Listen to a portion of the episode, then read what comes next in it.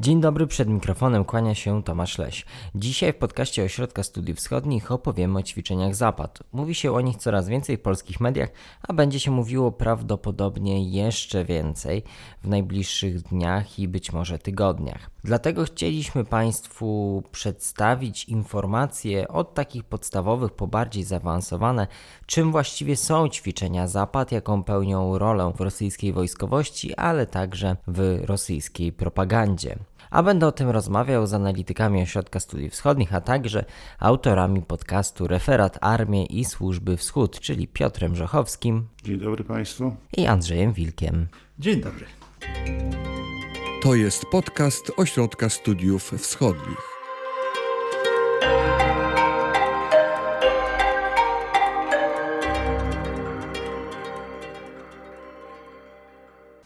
Panowie, zacznijmy może od takiego wstępu, powiedzmy, historycznego, gdyż ćwiczenia Zapad, to oczywiste, nie odbywają się po raz pierwszy. Ten pierwszy raz był w roku 1999. No i pytanie, dlaczego akurat wtedy zaczęły się odbywać ćwiczenia, które nazywają się tak, a nie inaczej Zapad, czyli Zachód? Andrzej Wilk. 1999 rok był dla Rosji rokiem bardzo nietypowym. Z ich perspektywy, jakby to można powiedzieć, no, dostali, że tak powiem, cytując klasyka, policzek w twarz dla całej ekipy. Tym policzkiem pierwszym, takim siarczyście wymierzonym, była pierwsza faza rozszerzenia NATO, przyjęcie do NATO Polski, Czech i Węgier. Drugim, który nastąpił momentalnie, tak jakby ktoś od razu przywalił z drugiej strony, były bombardowania Jugosławii, na które Rosjanie nie mogli nic poradzić. No, no i stali bezsilnie, można powiedzieć, z jednej strony, z drugiej zaczęli się mocno irytować na arenie międzynarodowej w wymiarze dyplomatycznym, w wymiarze medialnym. No, określili to tak, jak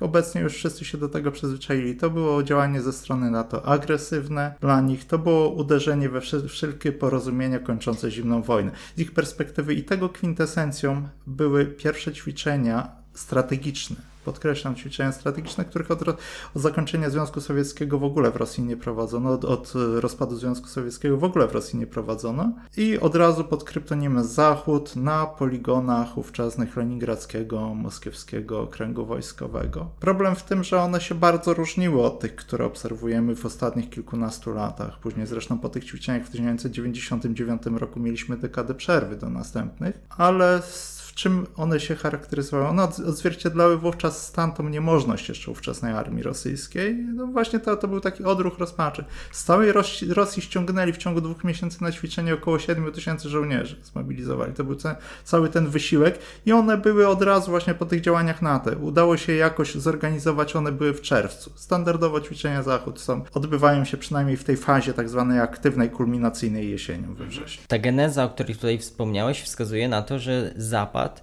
ćwiczenia Zapad tak naprawdę od samego początku mają wymiar w dużej mierze także propagandowy. Tak, to pełna zgoda, dlatego że mamy tą część wojskową ćwiczeń sił zbrojnych, ale z drugiej strony, jeżeli chodzi o politykę informacyjną, Federacji Rosyjskiej, to e, tak szeroko zakrojone ćwiczenia są wykorzystywane w ramach wojny informacyjnej. Ja chcę tylko przypomnieć to, to, jak w 2017 były ćwiczenia Zapad, to pojawił się wątek możliwej okupacji Białorusi przez Rosjan. Obecnie już w fazie przygotowań, właściwie tak jak mówił Andrzej, elementy ćwiczenia Zapad y, już się odbywają. My będziemy tam od 10 do 16 września świadkami tylko tej aktywnej fazy, takiej popisowej już i skoordynowanej, ale już przed rozpoczęciem nawet oficjalnie tych ćwiczeń pojawia się w mediach rosyjskich wątek taki przemycany, że mm, te ćwiczenia są wymierzone przeciwko Ukrainie, że to jest demonstracja siły, pokazująca zdolności armii rosyjskiej i białoruskiej do wzięcia w tak zwane kleszcze Ukrainy w sensie militarnym. Mhm, a tak nie jest? Powiem otwarcie, y, scenariusze są dopisywane przez innych niż przez wojskowych, szczerze mówiąc. Ale przez innych w sensie Rosjan? Tak, tak, przez Rosjan, tylko że to jest część polityki informacyjnej. Sam scenariusz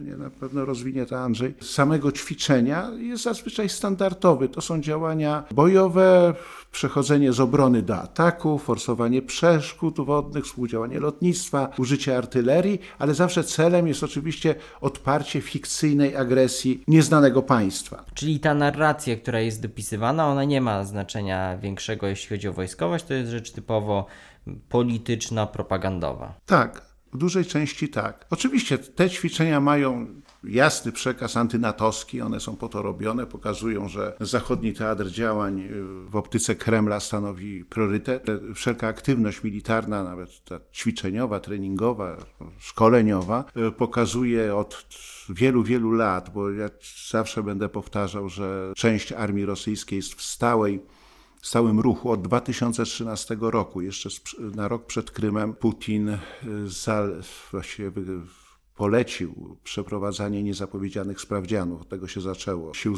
w siłach zbrojnych i tak się to wszystko rozwinęło, że armia rosyjska wciąż ćwiczy. To przybiera oczywiście różne formy ćwiczeń standardowych, zgodnych z planem szkolenia, planowanych ćwiczeń o szerszym zasięgu, tak jak właśnie Zapad, ale to one były planowane, przecież to nie była tajemnica, że w tym roku one się odbędą. Tylko w momencie, kiedy zaczyna się wchodzić w tą fazę aktywną ćwiczeń, natychmiast pojawiają się komentarze pokazujące, jakie to ma znaczenie polityczne. Tak jak przy poprzednim zapadzie, propaganda rosyjska chciała jakby pokazać, że Łukaszenko jest może się obawiać o swoją władzę, ponieważ e, wojska rosyjskie wejdą na Białoruś i nie, y, już się nie wycofają, a z drugiej strony teraz mamy 2021 rok, mamy pełny sojusz białorusko-rosyjski w sensie wojskowym, w wymiarze antyzachodnim, w kontynuowaniu wspólnych operacji specjalnych, które, których jesteśmy już świadkiem. I teraz już Białoruś i Rosja, jako tacy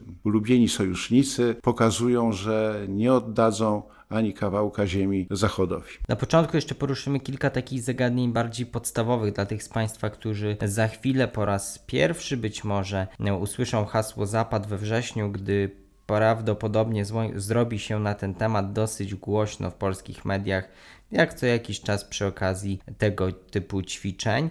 My tutaj chcemy usystematyzować pewne pojęcia też dla tych z Państwa, którzy po prostu nie mieli czasu wcześniej tego sobie wszystkiego ułożyć, czym są właściwie te ćwiczenia. Piotr Żochowski nas tutaj już wprowadził, jeśli chodzi o to, dlaczego te ćwiczenia są ważne z punktu widzenia polityki i propagandy rosyjskiej, ale teraz y, chciałem zapytać o sprawy wojskowe.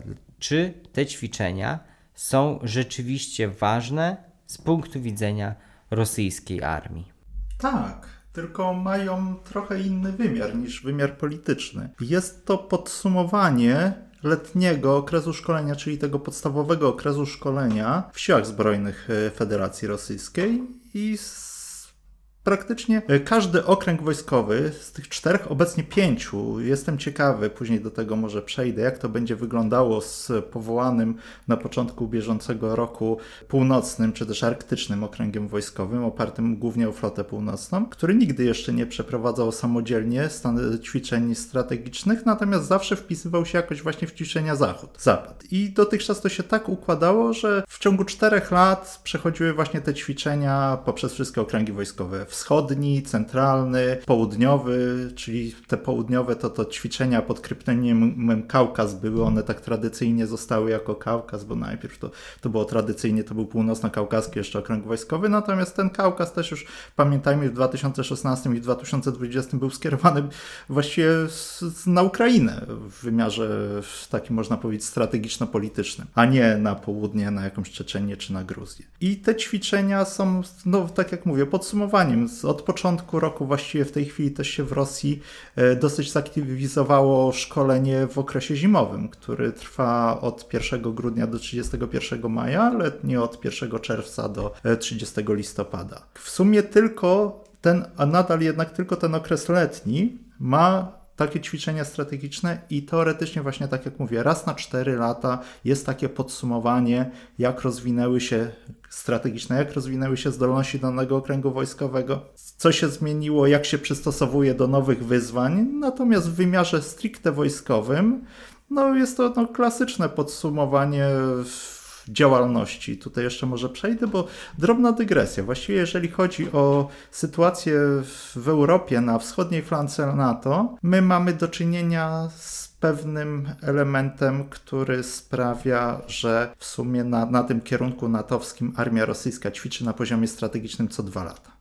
nie co cztery. My zasadniczo się przywiązujemy do tych ćwiczeń Zachód, bo one są zawsze mocniej, bardziej nagłośnione. Natomiast równolegle dwa lata przed Zachodem odbywają się ćwiczenia Kaukaz, które też już są zasadniczo nakierowane na Europę, czy tam rok czy dwa lata przeciętnie. Natomiast równolegle czy też przed nimi ostatnio w 2019 roku miały miejsce ćwiczenia Tarcza Związku też razem z Białorusinami i też one mają charakter tak, taki zgrywający też ćwiczeń strategicznych. Ćwiczenia pod kryptonimem dokładnie tarcza związku, chodzi o zbir, popularnie skracając po polsku. Drobna różnica jest taka, tylko że w wymiarze poligonowym, czyli takim, gdzie ci żołnierze faktycznie się, się nabiegają i gdzieś, gdzieś ubłocą, opylą, i nachuczy im w uszach, to jest, to jest taka, że w ćwiczeniach Zapad więcej żołnierzy rosyjskich ćwiczy na Białorusi, w ćwiczeniach Tarcza Związku więcej żołnierzy białoruskich ćwiczy na poligonach rosyjskich. Natomiast w wymiarze stricte wojskowym, jeszcze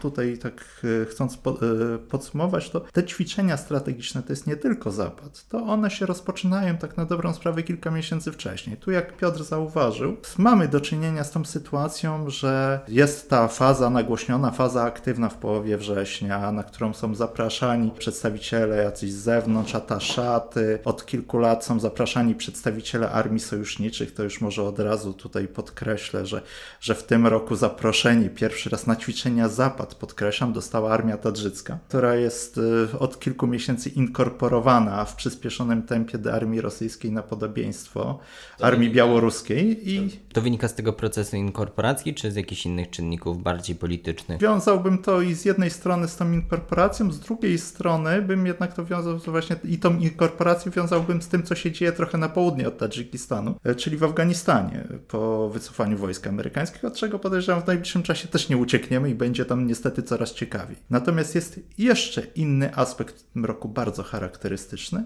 Na Dalekim Wschodzie odbędzie się coś takiego jak ćwiczenia Zachód współdziałanie. Będzie to jakieś tam powiązane w wymiarze jakąś myślą strategiczną, nie jestem w stanie określić jaką. Odbędą się ćwiczenia rosyjsko-chińskie, które też się odbywają, natomiast pierwszy raz będą tak jakby włączone do tego kompleksu ćwiczeń strategicznych Zapad, bo właściwie to nie jest, można powiedzieć, że to nie jest jedno ćwiczenie, tylko to jest kompleks ćwiczeń, które się zaczynają już w tej chwili. E, ta faza przygotowawcza, tak zwana, która już można powiedzieć tą fazą taką ćwiczeniową, rozpoczęła się pod koniec maja. Już mamy w tej chwili właściwie te, te ćwiczenia, ten kompleks ćwiczeń Zapad y, na poligonach rosyjskich się rozpoczął, w sztabach przede wszystkim też się rozpoczął i bardzo dużo przedsięwzięć, szczególnie to będzie narastało w sierpniu. To będą ćwiczenia różnych e, zgrupowań armijnych, e, to będą ćwiczenia różnych rodzajów wojsk, sił zbrojnych, które będą tam spięte tym samym, no można powiedzieć, tym samym założeniem, prowadzenia operacji na zachodnim kierunku strategicznym, z rosyjskiego punktu widzenia. I to nie ma znaczenia. Zachodni to jest jakoś bardziej sprecyzowane, że to jest, nie wiem... To, ten zachodni kierunek strategiczny z rosyjskiego punktu widzenia to wygląda dosyć ciekawie, ponieważ on się, no można powiedzieć, że się zaczyna na masywie Kaukazu, a kończy się na Półwyspie Kola na granicy z Norwegią. Czy tak y, z punktu widzenia potencjalnego przeciwnika, to właściwie cała Arktyka to w tej chwili też się wpisuje w ten zachodni kierunek strategiczny. Ale, ale ten scenariusz polityczny, jak rozumiem, on istnieje i czego on będzie dotyczył? Ukrainy? To zobaczymy, jak to, jak to będzie w mediach rosyjskich przedstawiane, jakie będą komentarze. Tutaj Andrzej właśnie zwrócił, bo to ucieka nam. My się koncentrujemy na Białorusi, na tym, że te Rosjanie są na poligonie pod Brześciem i zawsze no, bliższe to sercu na, naszemu jednak ten kierunek działań rosyjskich w pobliżu granic Polski, ale tutaj musimy sobie uświadomić, że to nie jest tylko Białoruś. Tutaj właśnie Andrzej powiedział, od Arktyki po Kaukaz. Generalnie, e, jeżeli Morze Bałtyckie, dlatego że flota bałtycka bierze udział również w ćwiczeniach e, Zapad, jak i korpus armijny roz, rozmieszczony w Kaliningradzie. Także tutaj mamy ten front zachodni rosyjski. Oni pokazują swoją siłę, swoją determinację w myśleniu o jakimś konflikcie w Europie. Jest to oczywiście Wiadomo, to, już, to też jest już banalne, ale to jest część polityki zagranicznej rosyjskiej. Te ćwiczenia też wchodzą w instrumentarium polityki zagranicznej, ponieważ ma, aktywność militarna ma wywierać presję na Zachód, kolektywny, na społeczeństwa tych państw. I działać na wyobraźnię. Oczywiście jest to wojna psychologiczna, ponieważ Rosja w swoim przekazie opisującym te manewry te ćwiczenia pokazuje, że no, ta armia jest silna, rozwija się, jest nowe uzbrojenie i po części jest to oczywiście prawda. W tym wymiarze zapadu, tym białorusko-rosyjskim, no, widać podstawowy cel polityki rosyjskiej wobec Białorusi, czyli integracja wojskowa. Ona nie może być naruszona. Teraz po, po, po sierpniu 2020 Łukaszenko został zmuszony, sam wszedł w tą pułapkę, broniąc swojej, swojej władzy na Białorusi wszelkimi środkami, wszedł w pułapkę no, szybkiego, szybkiej ścieżki zacieśnienia i rozwoju współpracy wojskowej, ale również służb specjalnych. Także Białoruś e, w ciągu ostatniego roku stała się integralną częścią systemu bezpieczeństwa Federacji Rosyjskiej. Wcześniej można było jeszcze tak trochę gdybać, no bo Łukaszenko jednak próbował prowadzić taką politykę stania na barykadzie i flirtowania z Zachodem e, Te, e, i więc one czasami tak można powiedzieć nawet asertywnie traktował współpracę wojskową z Rosją, umiał to tak pokazać, choć diabeł tkwi w szczegółach i wcale to nie oznaczało wielkiego sprzeciwu Łukaszenki, no ale Teraz już tego, takich sygnałów nie otrzymujemy. Czy co jest jeszcze ważne e, w zapadzie? To, to, to ja trochę wejdę może w działkę Andrzeja, ale chodzi mi nie o działania te takie frontowe, ale to, co się będzie działo na zapleczu tych ćwiczeń. Zresztą to już zostało zapowiedziane i to jest była taka ciekawa, może niszowa informacja, ale pokazująca sposób myślenia o prowadzeniu działań wojskowych przez Rosjan. W Mińsku odbyła się wizyta wiceminister Obrony Federacji Rosyjskiej, Szewcowej, która odpowiada za finansowanie, za sprawy finansowe sił zbrojnych, mówiąc ogólnie. I okazało się, że podczas ćwiczeń Zapad będzie ćwiczone zaopatrywanie jednostek wojskowych środki finansowe. Czyli tak jak z Andrzejem tutaj doszliśmy, chodzi o sytuację, kiedy nie ma internetu, nie można zrobić przelewów bankowych. Trzeba dowozić gotówkę. Czyli rozumiem ćwiczenia logistyczne. Tak, to jest ta otoczka logistyczna. Wchodzimy na tereny wroga, musimy mieć pieniądze, walutę po prostu, którą będziemy tutaj wprowadzać. Także to jest też to myślenie takie dosyć głębokie o prowadzeniu działań e, bojowych, o zabezpieczeniu tych działań bojowych, ale również, jak rozumiem, planuje się to, co się zrobi z zajętym terytorium. Drugą sprawą jest, i to też już w tym roku, e, komunikat rosyjski był o, e, o, wiele, wiele bardziej precyzyjny i, niż w poprzednich latach. Chodzi o użycie Gwardii Narodowej, czyli formacji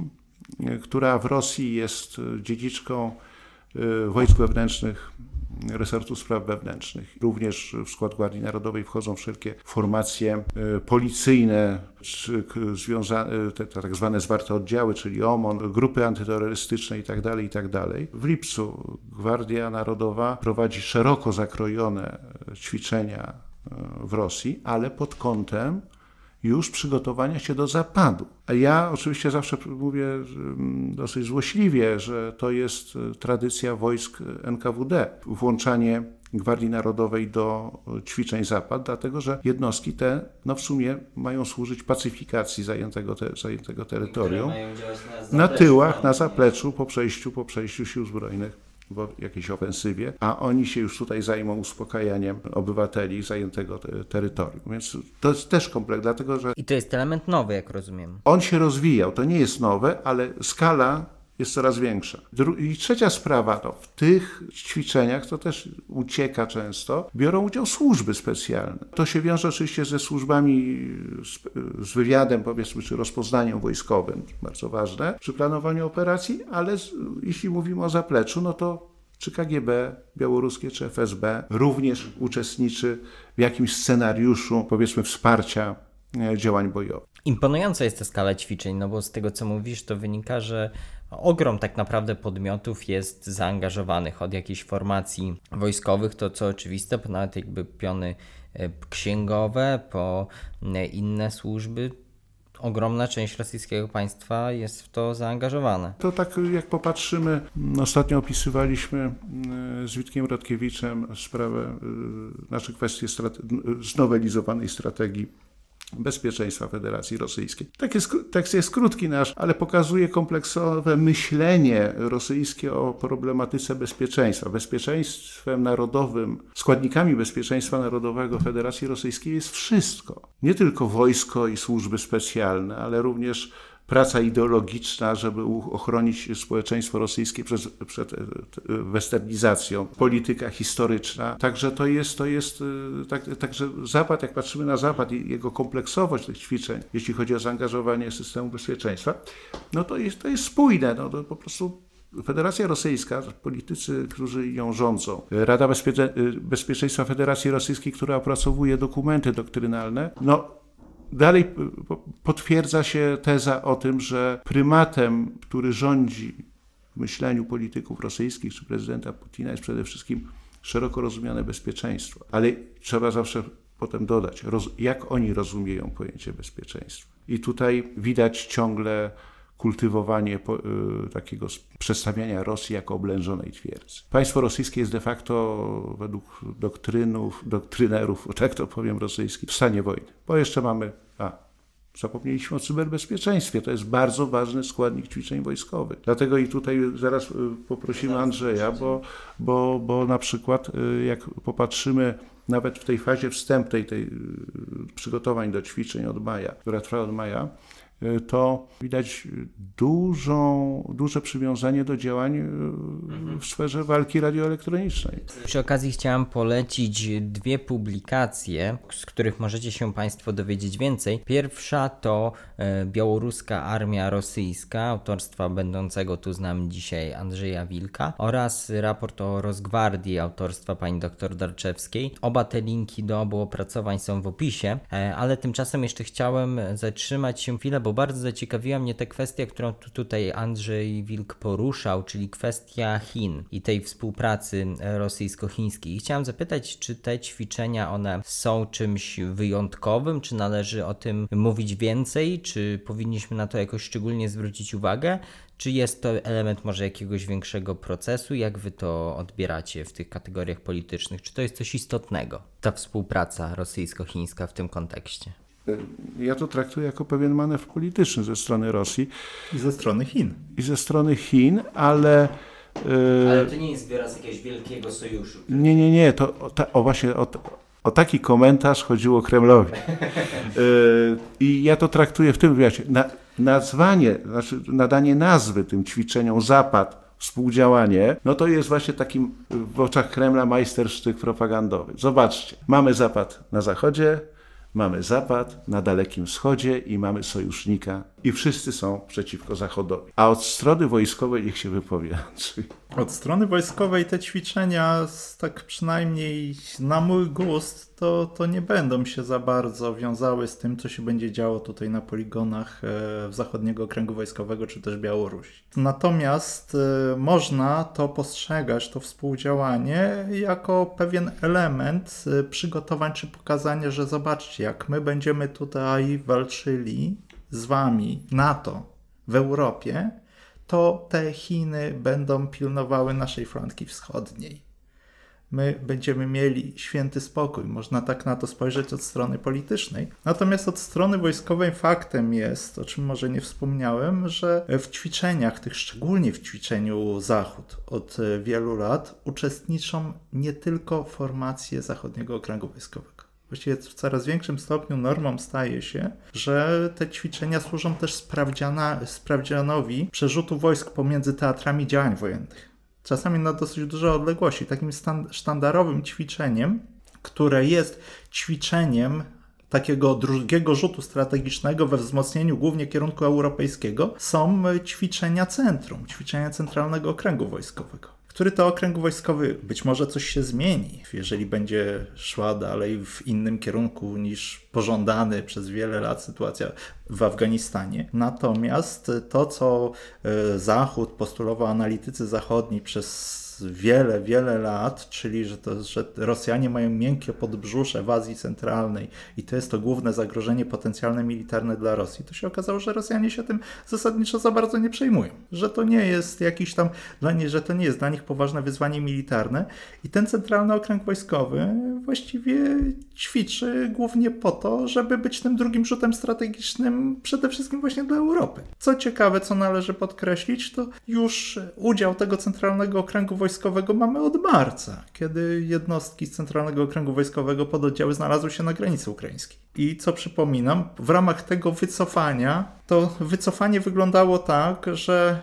Żołnierze wrócili tam do siebie do koszar, natomiast druga, duża część uzbrojenia, sprzętu wojskowego, które zostało tutaj sprowadzone y, na potrzeby tej, tej operacji zastraszania Ukrainy, tak to można powiedzieć obecnie, to pozostało i będzie wykorzystane nie wiemy, właściwie nie wiemy co w sierpniu, bo, bo jak dla mnie to, to w tych warunkach poligonowych to w sierpniu będą się odbywały właśnie bardziej, bardziej ciekawe może przedsięwzięcia niż ta nawet wisienka na torcie w połowie września. No to być może będzie ich jeszcze więcej, tych, tych żołnierzy z Centralnego Okręgu Wojskowego. No zobaczymy. Tu jeszcze trzeba brać pod uwagę to, że ćwiczenia, głównie Zapad, już w mniejszym stopniu obecnie Kaukaz, są ćwiczeniami generalnie mówiąc jednego wielkiego fałszu z premedytacją w wykonaniu Rosji. Rosjanie zawsze twierdzą, że postępują zgodnie z literą dokumentu wiedeńskiego, porozumień o zawartych na temat budowy środków zaufania w Europie w schyłkowym okresie zimnej wojny, czy na początku lat 90. ubiegłego stulecia. I w tych ćwiczeniach demonstracyjnie ze strony rosyjskiej oficjalnie nie uczestniczy nigdy więcej niż 13 tysięcy żołnierzy. Bo takie, jak rozumiem, jest wymaganie. Tak, takie jest wymaganie, takie jest przyjęte wymaganie to, co Rosję bardziej ograniczało, czyli traktat o konwencjonalnych siłach zbrojnych w Europie, który był tam, można powiedzieć, bardziej dokładniejszy i ostrzejszy, to ten traktat Rosjanie porzucili już 18 lat temu. Ale jak rozumiem, nawet tych 13 tysięcy nie przestrzegają. To znaczy, jest taka, tak można na to patrzeć, że no, no ta pokazówka, tak ją nazwijmy, dla ataszatów, dla świata pod względem wojskowym to, co się będzie działo na poligonach e, w obwodzie brzeskim czy w obwodzie grodzieńskim, no to tam faktycznie być może się zbierze tak niespełna 13 tysięcy żołnierzy. Obu armii plus być może jakaś kompania tadżycka, być może jeszcze ktoś tam zaproszony. Być może tak. Tylko, że patrzmy na ten zapad jako, jako ćwiczenie kompleksowe, które będzie się właśnie toczyło od Arktyki przez cały zachodni okręg wojskowy, przez obwód kaliningradzki, flotę bałtycką i też z udziałem południowego okręgu wojskowego, z udziałem centralnego okręgu wojskowego. E, warto wskazać, że tam, gdzie Rosjanie nie mają ograniczeń, to podają zdecydowanie inne cyfry, które są diametralnie różne od tych podawanych dla ćwiczeń w zachodnim okręgu, ćwiczeń strategicznych Zachód czy Kaukaz. Jeżeli chodzi o ćwiczenia wschód czy centrum, potrafią być podawane liczby, y, które przewyższają 200 tysięcy żołnierzy. Podsumowując te, te wszystkie przedsięwzięcia, które są realizowane, to faktycznie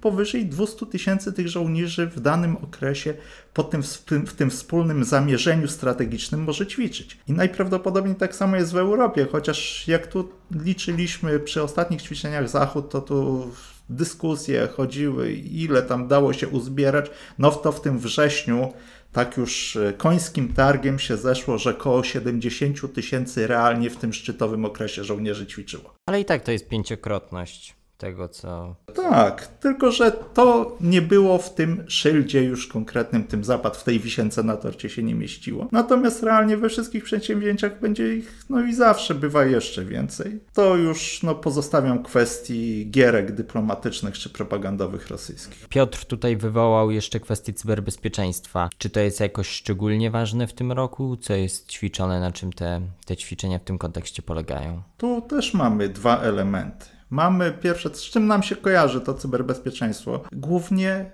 jednak ze sferą cywilną, a nie wojskową. I o tym pamiętajmy. E, ja używam od już kilku lat takiego pojęcia, że, że cyberwojna jest wojną czasu pokoju. Jest, trwa dopóty, dopóki nie zostanie wyłączony internet. Jest elementem tego konfliktu z przeproszeniem hybrydowego, który od wielu lat obserwujemy. To jest ta wojna, w której Rosja już uczestniczy. Myślę, I nie tylko Zachód. I tu jest cyberwojna, natomiast cyberwojna ma też element stricte wojskowy, który możemy obserwować w wymiarze czysto taktycznym. I ta cyberwojna to są pododdziały specnazu przerzucane śmigłowcami grupy dywersyjne rozpoznawcze, które na bezpośrednim zapleczu jednostek przeciwnika, bo wiadomo, że w tej chwili wszyscy się już rozkładają, każdy sztab się rozkłada z komputerami, z tabletami od najniższego szczebla, zwłaszcza jak się zaczęło wprowadzać w armii rosyjskiej jest to powszechne, które powszechne jest y, w większości armii NATO, jest cyfryzacja powszechna. Ta wojna cybernetyczna będzie miała też zupełnie inny charakter to będzie próba znalezienia się na tyle blisko przez żołnierzy ze sprzętem zakłócającym, czy ze swoimi komputerami, laptopami, żeby sparaliżować systemy informatyczne w sztabie jakiejś rozwiniętej dywizji czy jednostki przeciwnika. Jak rozumiem, to jest element, który jest i będzie ćwiczony. Jest od wielu lat ćwiczony i to jest jeden z wielu. Trzeba pamiętać, że to jest, to jest ćwiczenie strategiczne, jest ćwiczeniem kompleksowym, jest ćwiczeniem tak zwanym połączonym, jak to się drzewiej nazywało. W tym ćwiczeniu wojskowym uczestniczą praktycznie wszystkie rodzaje sił zbrojnych i tak mówiąc no, łopatologicznie marynarka wojenna uczestniczy, lotnictwo wojskowe uczestniczy, e, piechota, broń pancerna czy zmechanizowane formacje, przepraszam wszystkich, którzy twierdzą, że piechoty normalnej już nie ma. Wszystko, praktycznie wszystkie jednostki walki radioelektronicznej, logistyka, wojska kolejowe po stronie rosyjskiej. Wszystkie, to jest wszystkie przejawy, co więcej, w ćwiczeniach strategicznych przejawia się coś, o czym wspominał już Piotr, mówiąc o tym udziale służb specjalnych, o tym udziale Rosgwardii. Na ćwiczeniach strategicznych jest ćwiczone to, co Rosjanie planują w czasie wojny, czyli dowódca na kierunku strategicznym, nominalnie obecnie jest to dowódca wojsków danego okręgu wojskowego. Ten dowódca tworzy sztab, w który wchodzą nie tylko przedstawiciele struktur siłowych, ale lokalnej administracji lokalnego przemysłu, głównie lokalnych no, struktur finansowych, wszystkiego. To jest po prostu sztab no, do prowadzenia, no, odpowiadają wszystko właściwie na danym terenie, jest skupione, jest podporządkowane dowódcy wojskowemu zgodnie z zasadą ciemty pamok frontu. Cały naród pracuje na rzecz wtedy armii, na rzecz sprawnego przeprowadzenia operacji. To jest bardzo ciekawe patrzenie na, na te, te cząstkowe informacje związane z kompleksowymi, jak to mówi Andrzej, ćwiczeniami. Jeszcze tylko przypomnę, że również y, wojska inżynieryjne mają zadanie na przykład skonstruowania doraźnych rurociągów paliwowych. Bez współpracy z Transnieftem na przykład. Czyli jeszcze podmioty energetyczne. Tak, tak, tak no, bo to jest ważne, no, jak trzeba doprowadzić paliwo do, do jednostek w czasie wojny, więc są wyspecjalizowane oddziały, które również ćwiczą w czasie takiego szkolenia e, położenie, powiedziałem, doraźnych rurociągów. Na ćwiczeniach Zachodu w Jeszcze... 2017 roku, przepraszam Piotr, że Ci wejdę w słowo, tak dla przykładu, położono ćwiczebnie 800 km rurociągu. Także to jest dosyć, to, to, to, to, właśnie takie rzeczy pokazują, jakie to, jest, jakie to jest wyzwanie. To nie jest tylko tam mówienie, że czołgi pojechały, coś się strzelały, a samoloty zbombardowały, tylko, tylko ta, ta cała, cała, cała machineria, która ma zapewnić, żeby to, to, to wojsko mogło walczyć. W kontekście białoruskim zawsze znany element od lat, ten integracyjny, jeśli chodzi o współdziałanie białorusko-rosyjskie, to jest to, że na przykład załogi pojazdów pancernych mieszają się, czyli to są Rosjanie i Białorusini, tak w jednej załodze. Więc to też pomaga wykształcić pewne takie e, odruchy, mechanizmy współpracy, mechanizmy w ogóle no, takiego działania żołnierza zgodnie z regulaminami Armii Federacji Rosyjskiej. Tacy czterej pancerni i pies, można powiedzieć. To znowu wracając i chwilę skupiając się na tych relacjach białorusko-rosyjskich w kontekście oczywiście ćwiczeń Zapad. Różnicą, to co wynika z tego, co mówiliście też wcześniej, jeśli chodzi o te kwestie polityczne, to taką różnicą i taki, taką nową rzeczą, która jest, jeśli chodzi o politykę, to jest to, że Białoruś zerwała z pewnymi pozorami. Ale jak jest w przypadku wojskowości? Czy tutaj te ćwiczenia Zapad czymś się różnią w porównaniu do poprzednich ćwiczeń?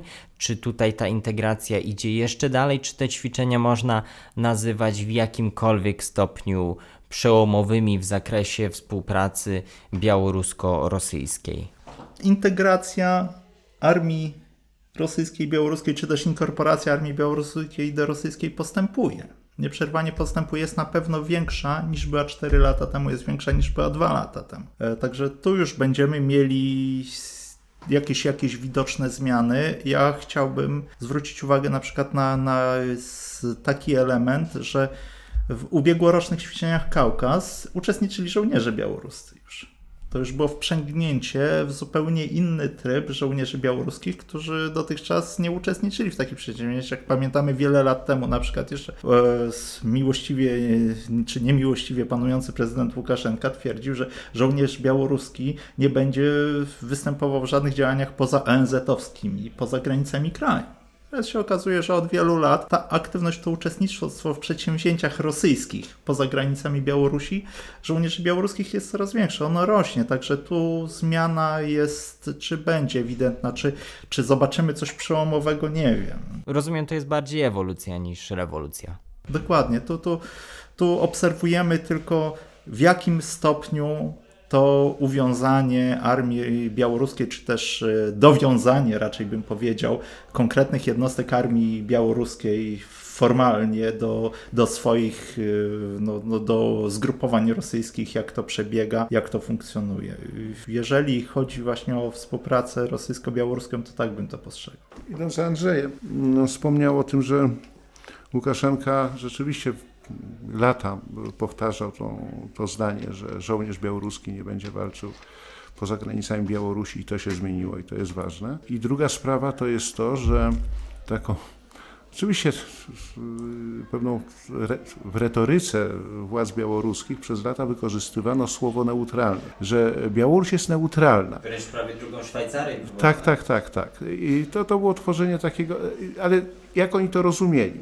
Oczywiście nie podważali sojuszu rosyjsko-białoruskiego, ale właśnie ta neutralność miała być zachowana wobec innych konfliktów, nawet prowadzonych przez Rosję, tak? na przykład teoretycznie jakaś wojna w Azji. No to tutaj Białoruś zawsze mówiła nie, nie, nie, nie. Tylko jeżeli na nas napadną, jeżeli na nas napadną, będziemy się razem bronić. I teraz Uważam, że nastąpiła korekta myślenia w Mińsku, y, dlatego że to już oficjalnie władze w Mińsku powiedziały, że no, musimy przestać mówić o neutralności. Naraz powiedzieli prawdę. Ale to też świadczy o tym, że Mińsk nie ma przy obecnej ekipie rządzącej, nie może prowadzić innej polityki niż y, politykę stania na straży bezpieczeństwa Rosji, jak mówił Łukaszenka.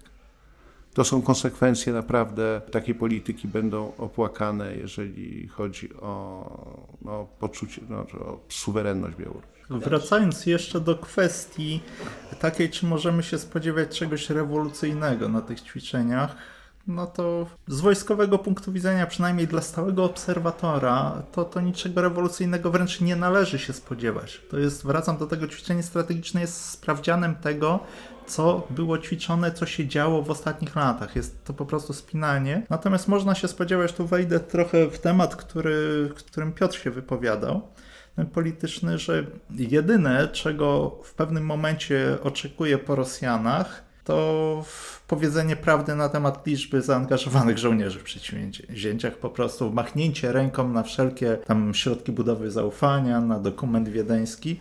Natomiast jednak się jeszcze tego nie spodziewam. No, show must go on. Ale nasze przedstawienie już dzisiaj musi się zakończyć.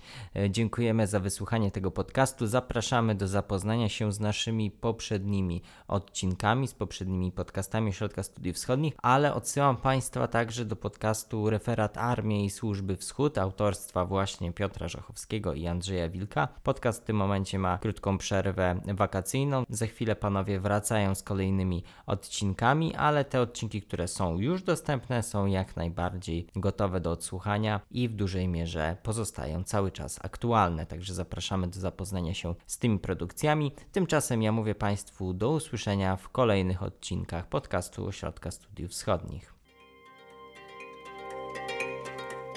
Wysłuchali Państwo podcastu Ośrodka Studiów Wschodnich. Więcej nagrań można znaleźć na stronie www.osw.waw.pl.